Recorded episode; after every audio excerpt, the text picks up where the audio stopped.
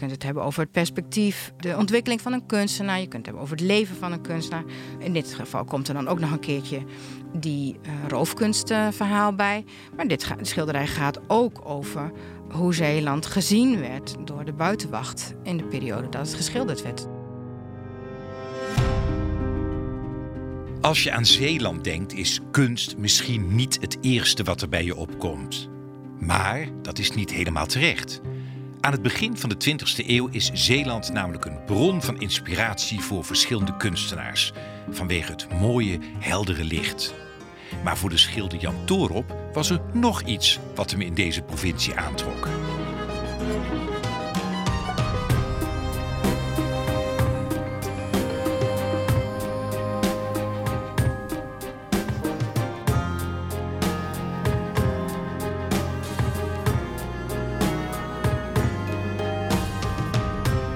Je luistert naar Topstukken, de podcast over de mooiste kunst en cultuur van Nederland. Mijn naam is Albert Verlinde. In elke aflevering praat ik met een expert van een museum of een andere culturele instelling in Nederland en stel ik de vraag: wat is jouw persoonlijke topstuk? Marian Ruiter is directeur van het Zeeuws Museum. En het topstuk dat zij heeft meegenomen is een schilderij van de kunstenaar Jan Toorop. Gebed voor de maaltijd heet het. En met zo'n titel denk je meteen aan iets zwaars of sombers. Maar. Wat je eigenlijk ziet is licht. Gewoon licht. En als je dan wat, wat beter kijkt naar de afbeelding, dan zie je een, een, een boer, een Zeeuwse boer, met twee dochters. Een wat oudere dochter en een klein meisje. En die zitten samen aan tafel. En die tafel die staat voor een raam waar licht doorheen valt. En zij, zij zijn in gebed. Uh, maar tegelijkertijd hangt er ook een lamp boven de tafel. Dus het, het centrum van dat schilderij, het zijn allemaal geel en witte kleurvlakjes. En waar samen, letterlijk, die geven gewoon samen licht. En de rest van het schilderij, dat is, dat hele gedekte tinten in groenen en blauwe en grijze. Waardoor dat, dat lichtgevende nog sterker wordt dan het al van zichzelf is. Je zegt zelf al, er zit heel veel in. Laat ik even beginnen bij de manier van schilderen. Mm Jij zegt heel veel puntjes zie ik, dan denk ik aan pointillisme. Hè? De puntjes en dat maakt dan een, ja. beeldenis. Is dit ook pointillisme? Ja, ik denk net niet. Want het, het zijn niet zozeer puntjes, als wel dat hij echt vlakjes maakt. Met een penseel kun je gewoon zien dat het soort strepen zijn. Ja. Het wordt ook niet zo genoemd. Wat, wat zij doen, of wat deze groep schilders deed, um, dat heet luminisme. Uh, luminisme van licht. En wat ze wilden was licht schilderen, licht verbeelden. En uh, dat, dat deden ze door het dus helemaal op te bouwen met van die kleurvlakken. Luminisme is een kunststroming van begin 1900. Gebed voor de maaltijd is van 1907. Het is het moment dat Torop op de top van zijn carrière zit. Alleen gaat er wel het nodige aan vooraf. Jan Torop wordt geboren in Indonesië waar hij het eerste deel van zijn leven doorbrengt. Tot het moment dat zijn ouders besluiten hem naar Nederland te sturen. Hij uh, was tien en toen ging hij uh, naar Batavia om, uh, voor zijn school. En al op zijn elfde of zo gaat hij naar Nederland. Dus met de boot uit Indonesië. Hij gaat naar Leiden om hier naar school te gaan. Alleen? Ja, alleen. Dat kunnen wij ons niet meer voorstellen. En dat was heel gewoon, hè? Dat kinderen van uh, mensen die in, in Indonesië werkten, die dan, waarvan de ouders dan toch vonden dat de opleiding beter was in Nederland, die gingen dan alleen of met een chaperone. En toen ging hij naar Leiden? Ja. En was meteen een schildertalent? Ging hij om te leren schilderen? Nee, hij ging gewoon naar de HBS. En uh, daarna heeft hij ook nog een heel ander beroep geleerd. Maar op een gegeven moment komt wel bovendrijven dat hij juist heel goed is in het creatieve.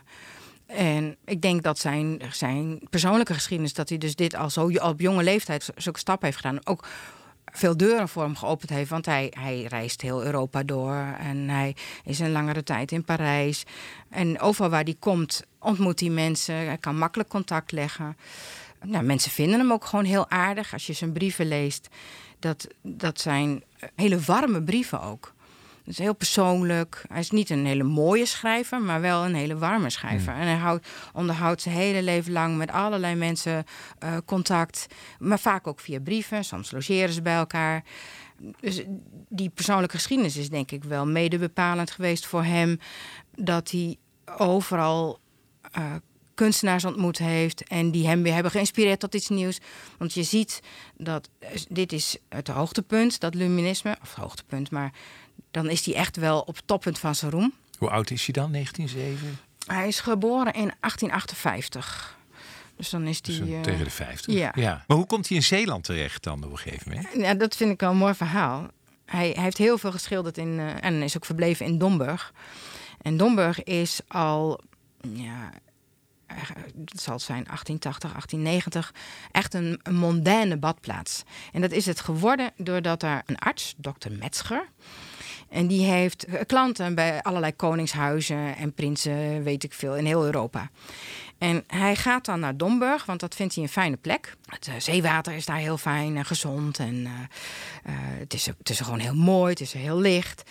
Dus hij gaat daar naartoe en zijn, zijn klanten, die komen daar dus ook allemaal. En Torop en Metzger zijn bevriend. Al heel lang. En ik heb ergens gelezen dat uh, Metzger op een gegeven moment Torop een brief stuurt. En dan zie je in Amsterdam. En zegt hij: Jongen, jij moet gewoon hier naartoe komen, want jouw klanten zitten hier. Dus Torop komt dan naar Zeeland en is gegrepen zowel door het landschap, door het licht, door de mensen, door, de, de, de, door die Zeeuwse boeren. En um, die nodigt allemaal kunstenaars waar hij uh, mee bevriend is, die nodigt hij ook uit om daar naar Zeeland toe te komen. Het wordt een kunstenaarskolonie. wordt echt een kunstenaarskolonie, ja. Torop zelf bijvoorbeeld zit uh, de helft van het jaar in Domburg en de andere helft van het jaar zit hij bijvoorbeeld in Amsterdam of ergens anders. Hmm. En die, uh, er worden van allerlei dingen georganiseerd. Dus Torop heeft bijvoorbeeld ook een jaarlijkse tentoonstelling in Domburg georganiseerd. Uh, in de badplaats zelf wordt van alles gedaan. Want er komen ook die badgasten moeten vermaakt worden. Die moeten natuurlijk wel iets hebben om te komen. Dus het is, het is een zo, maar dat Domburg was dus echt een society-plaats. Ja, je kunt het denk ik vergelijken met uh, Scheveningen. Het is kleiner, maar qua uitstraling en qua cliëntele, uh, klanten, was het gewoon heel erg vergelijkbaar. Wat kunstenaars nu nog steeds zeggen, is dat de kwaliteit van het licht in Zeeland heel bijzonder is. En ze hebben me verteld dat dat een combinatie is van de hoeveelheid zout die er in het water zit. Um, en de, de lichtbreking daardoor op het water. En dat geeft dus een bepaald soort licht. En wat ik zelf ook ervaren heb, is dat in Zeeland verrassend weinig luchtvervuiling is. Dus het is heel helder eigenlijk. Het is extreem helder. Je kan het je bijna niet voorstellen totdat je het dus echt zelf ervaart. En, en dat is wel wat zowel kunstenaars toen als nu um, aantrekt naar Zeeland. Het is landschappelijk gewoon ook heel fraai. Ik weet dat mensen het idee hebben dat Zeeuwen heel stug zijn. Nou, dat is mijn ervaring helemaal niet. Maar dat, heb, dat merk je ook aan de manier waarop zij opgevangen worden. Ze blijven vaak bij mensen eh, thuis. Het is eigenlijk heel gastvrij. En, en dat, dat maakt dat zo'n badplaats ik denk voor veel mensen een, een, een, een, warme plek is. Want ik had eigenlijk verwacht dat, dat ze daar alleen maar in de zomer zouden zitten. Maar ze zijn er ook hele periodes, zijn ze daar in de winter. En was hij de bekendste in die kunstenaarskolonie? Of liepen er meer mensen rond en zegt, nou... Nou ja, ik denk dat bij de meeste mensen Mondriaan de bekendste is. Mondriaan is naar Zeeland gekomen en voor hem is het heel bepalend geweest. Hij heeft daar de overstap gemaakt van het figuratieve, het, het schilderen wat je ziet, naar het uh, abstracte. Um, zij heeft in, in, twee stappen die, die, die transitie gemaakt. In eerste instantie van uh, kleur, dat, net als met het luminisme, waar het gaat over het schilderen van licht, was Mondriaan heel erg bezig met het schilderen van kleur. En daarna maakte hij de overstap naar de echte essentie van dingen. Wat hij vond, daar is hij steeds verder in gaan, gaan abstraheren. Dat je steeds minder zag wat het oorspronkelijk voorstelde. En op Walger, uh, het, het is best vlak. Maar als je dan bij Domburg bijvoorbeeld bij de zee staat, heb je daar die paalhoofden, die, die dubbele rijen palen die de zee ingaan. En daar heb je dus heel sterk dat, dat horizontale en dat verticale. En toen dacht Mondriaan, dat is hem. Die schijnt daar gedacht te hebben van, maar dit is de essentie van dingen. Helemaal terugbrengen, alles opsmuk, alle versiering, uh, ook het, de basale kleuren. helemaal terugbrengen tot de essentie. Dat is wat hij daarmee begonnen is om dat uh, uit te werken. En dat is wel dankzij Torop, want die heeft hem ook uitgenodigd om naar Domburg te komen. jongen, jij moet hier zijn. Het heeft wel een veelbewogen geschiedenis gehad, dit schilderij. Ja. En niet zo'n leuke geschiedenis ook eigenlijk. Nee, het, het, het, het, het bijzondere is, het schilderij is eigenlijk vrijwel direct gekocht door een Duitse familie. Um, toen Torop het gemaakt heeft, en zijn familie die heeft veel meer van hem gekocht. Familie Flersheim uit uh, Frankfurt. En zij zijn aan het begin van de oorlog zijn ze gevlucht. Dat is een Joodse familie. Joodse familie. En uh, zij hebben al hun spullen achter moeten laten. En ze zijn in 1944 in uh, Bergen-Belsen vermoord. Dus dit is gewoon een heel. Ik vind, dat heel triest, heel tragisch.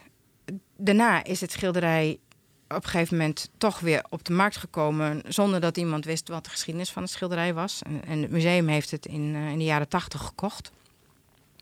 En in 1999 uh, is het een van de schilderijen die naar boven komt drijven bij het herkomstonderzoek naar roofkunst uit de nazietijd. Want dat is hè, voor mensen roofkunst betekent dat als zo'n familie nou ja, moest vluchten, opgepakt werd, vermoord werd, dan werd hun kunst geroofd. Een bezit werd gewoon echt uh, ingepikt. Ja, soms, in sommige gevallen waren het families waar die onder druk werden gezet en uh, tegen veel te lage prijs hun, uh, hun, spullen verkochten. En met dat geld vaak probeerden te vluchten. Naar Amerika bijvoorbeeld, dat ze de reis konden betalen. In dit geval, uh, voor zover ik het weet, is de familie gevlucht en heeft alles achter moeten laten en is het gewoon ingepikt. En dit is dus ook een van de schilderijen die met de familie, de nabestaanden van de familie Flersheim, contact op is genomen van goh, wij weten nu dat dit schilderij eigenlijk onterecht bij ons zit. En het hoort eigenlijk bij jullie. Dus wat gaan we doen? De, de nabestaanden hebben het gelukkig voor ons uh, goed gevonden dat we het uh, mochten houden. Weliswaar tegen een betaling. Dus een beetje bijzonder dat we twee keer het schilderij gekocht ja, hebben. Ja, ja. Met zo'n Maar nu uh, ging het geld naar de partij van wie het, uh, Ja. bij wie het hoorde te zijn. Ja, Wrang, hè, als je naar zo'n mooi familietafereeltje kijkt. ja. Dat is dan gekocht door een familie die dit kocht. Omdat ze het ook zo'n mooi familietafereel vonden. En Waarschijnlijk met wel. die familie is dan heel dramatisch afgelopen. Ja, ja, dat is heel tragisch. Maar dat vind ik dus, dat vind ik zelf een van de mooiste dingen in een museum. Dat je dus dat één zo'n voorwerp, één zo'n schilderij, maar het kan ook gewoon een, een, echt een ding zijn. Dat daar zo verschrikkelijk veel verhalen bij elkaar komen. Dus je, je, kijkt naar een kunstwerk, dus je kunt het hebben over het, het artistieke, je kunt het hebben over het perspectief, eh, de, de ontwikkeling van een kunstenaar, je kunt het hebben over het leven van een kunstenaar. Torov zelf is een interessante man in dit geval. In dit geval komt er dan ook nog een keertje die roofkunstverhaal bij. Maar dit schilderij gaat ook over hoe Zeeland gezien werd door de buitenwacht in de periode dat het geschilderd werd. Dus al die verhalen die komen dan bij elkaar in één zo'n schilderij. Dat vind ik een van de mooiste dingen van het werk wat wij doen.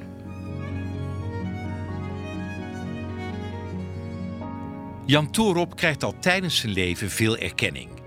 Marianne ziet hem als een soort chameleon die zich allerlei verschillende schilderstijlen eigen maakt, zoals het symbolisme en het realisme. Toorop maakt ook veel prenten, aquarellen en houtskooltekeningen. Het is een kunstenaar die iedere keer weer nieuwe wegen inslaat. Ook in zijn privéleven is hij net een chameleon. Op latere leeftijd komt hij in aanraking met het katholicisme. En dat heeft ook effect op zijn werk. Op het moment dat hij zich bekeert tot dat katholicisme, dat, dan verandert zijn, zijn onderwerpen veranderen ook. Dus hij, schildert tot die tijd heel veel. Hij gaat, daarna gaat hij veel meer tekenen en etsen. En is het verbeelden van religieuze gevoelens en, en symboliek, die worden steeds belangrijker in zijn werk. Dus dit is eigenlijk een soort sleutelstuk waarin die twee bij elkaar komen. Dus aan de ene kant is hij dus nog heel erg bezig met, met de techniek aan zich, eh, maar ook met zijn omgeving. En Weet je wat ik ook zit te denken? Ja, misschien is het psychologie van de koude grond. Maar als je als elfjarig jongetje op de boot gaat van Batavia naar Nederland... dan mis je natuurlijk wel dat gezinsleven ergens. Is dat waarom wat hij een beetje zocht... ook in dit gezin wat hij zo geschilderd heeft? Dat zou heel goed kunnen, want hij onderhoudt in zijn hele leven heeft hij jonge protégés. Echt jonge mensen die die, waar hij ook zijn hele leven lang mee blijft corresponderen. Waar hij naartoe gaat. eh, waar hij een soort vaderrol eh op Ja, zich hij zocht dus toch een soort gezinsverband. ja, dat, en zijn eigen eh, huwelijk schijnt niet zo heel erg gelukkig geweest te zijn. Hij is, hij is getrouwd geweest met een, eh, een Schotse, geloof ik. Moet je ook niet doen. Moet je ook niet doen. nee. In Gebed voor de maaltijd komt veel samen.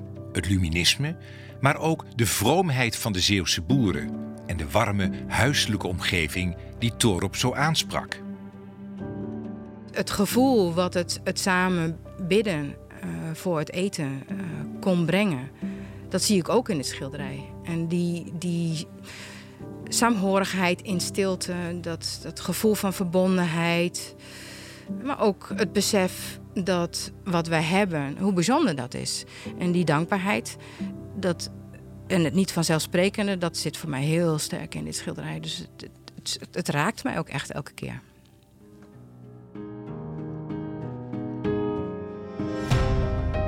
Je luisterde naar Marianne Ruiter van het Zeeuws Museum. En dit was Topstukken, aangeboden door de Vriendenloterij, de cultuurloterij van Nederland. Mijn naam is Albert Verlinde, ambassadeur van de Vriendenloterij. Ik ben er trots op dat wij cultuur steunen in heel Nederland, dankzij onze deelnemers. En als je meespeelt in de Vriendenloterij, ontvang je een VIP-kaart waarmee je korting krijgt op de leukste uitjes en gratis ruim 125 musea kunt bezoeken. Dus ook het Zeeuws Museum in Middelburg.